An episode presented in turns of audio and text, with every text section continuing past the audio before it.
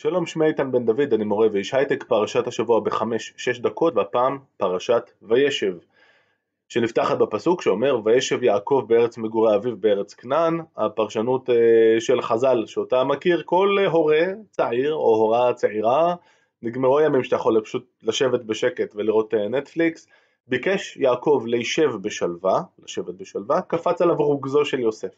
זאת אומרת, הוא עבר את כל התלאות שלו ב-20 שנה האלה אצל לבן, ועבר את הבלגן שהיה עם אה, שכם, רוצה קצת, בואו אה, נרגיע, בואו קצת ארץ זבת חלב ודבש אחרי הכל, אבל לא, עכשיו יקפוץ עליו רוגזו של יוסף. יוסף עולה על הבמה ואנחנו, להבדיל מגיבורים מקראיים אחרים, נקודת הפתיחה שלו באמת, אבל באמת, לא, לא גורמת לנו לשום סימפתיה. כל מה שאנחנו יודעים עליו בהתחלה, זה שבגדול הוא מלשן, הוא מוציא את דיבתם של אחיו אה, רעה, והם שונאים אותו, ואז אנחנו מגלים שהוא לא רק מלשן, אלא גם אה, בחור אה, שרואה בעיקר את עצמו ואת הגדולות אה, שעוד נכונו לו, מה שכמובן יהיה נכון, אבל זה לא עוזר. מול השנאה שהולכת ומתפתחת של האחים אליו, ראינו בפרשה הקודמת, פרשת וישלח, איך זה לא מנותק מהדרך שבה יעקב מאוד הגדיר את ההיררכיה בתוך המשפחה ואת מי הוא יותר אוהב,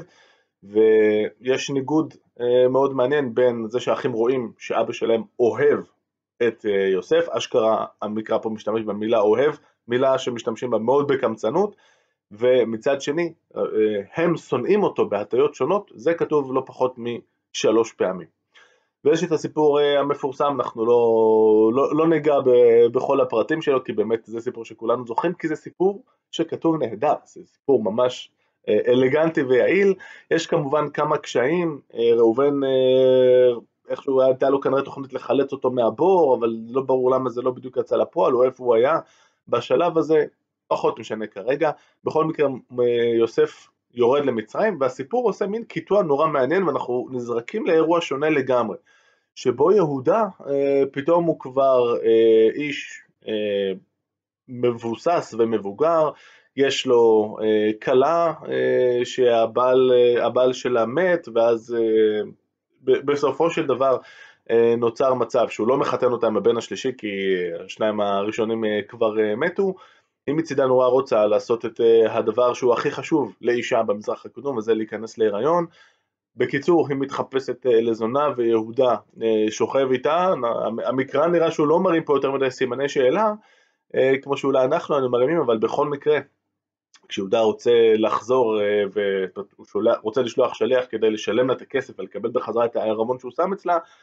לא הייתה בזה קדשה, השליח לא מוצא אותה, כי בסופו של דבר זאת הייתה רק היא והתחזתה, אבל אחרי כמה זמן כמובן שהאמת אה, יוצאת לאור, או לפחות אה, בצורה של זה שהיא בהיריון, ומסתבר שליהודה בתור אב המשפחה יש את הסמכות פשוט להגיד הוציאוה ותשרף, היא מוצאת, ויש קטע מאוד נחמד ואלגנטי. היא לא אומרת, אה, רגע, רגע, זה אתה אחרי הכל. היא אומרת, הכר נא, למי ה... אה, והיא מפרטת את הערבון שהוא שם אצלה. זאת אומרת, היא נותנת לו את הצ'אנס גם את מרחב ההכחשה, ואם הוא, יכחיש, סבבה, היא כנראה תשלם את המחיר, אבל יהודה אה, עושה את הצעד הנכון, סוף סוף אולי,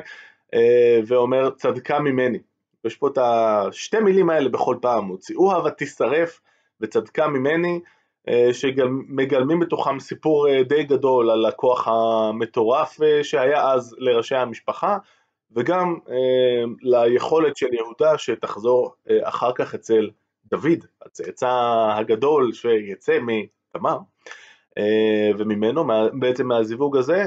כשמציבים בפניו את העומדות, את העומדות להגיד חטאתי, לא להתחיל לספר סיפורים.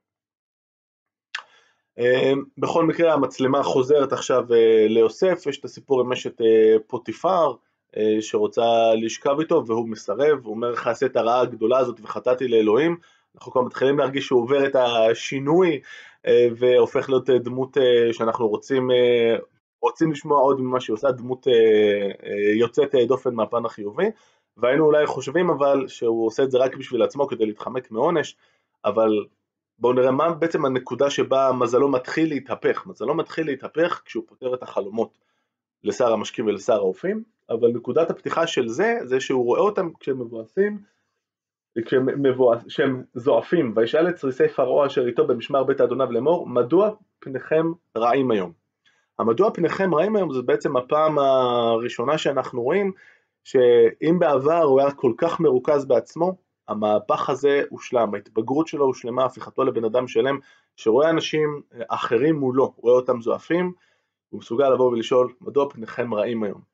ומהרגע הזה שהוא אה, מפנה את מבטו אל האחר ועושה מעשה כזה של אה, חסד, מכאן מזלו מתחיל אה, להשתנות, זה ייקח עוד זמן, כי אנחנו את הפרשה הזאת מסיימים באיזה מין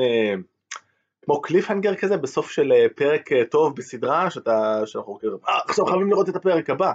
ולא זכר שר, שר המשקים את יוסף וישכחהו, אחרי שהפרשנות של החלום של יוסף מתגשמת והוא אכן חוזר, שר המשקים למעמדו הקודם. אז את ההמשך נראה בפרשה הבאה. בינתיים לסרטונים נוספים ולתיאום הרצאות אפשר להקליק כאן, להתראות.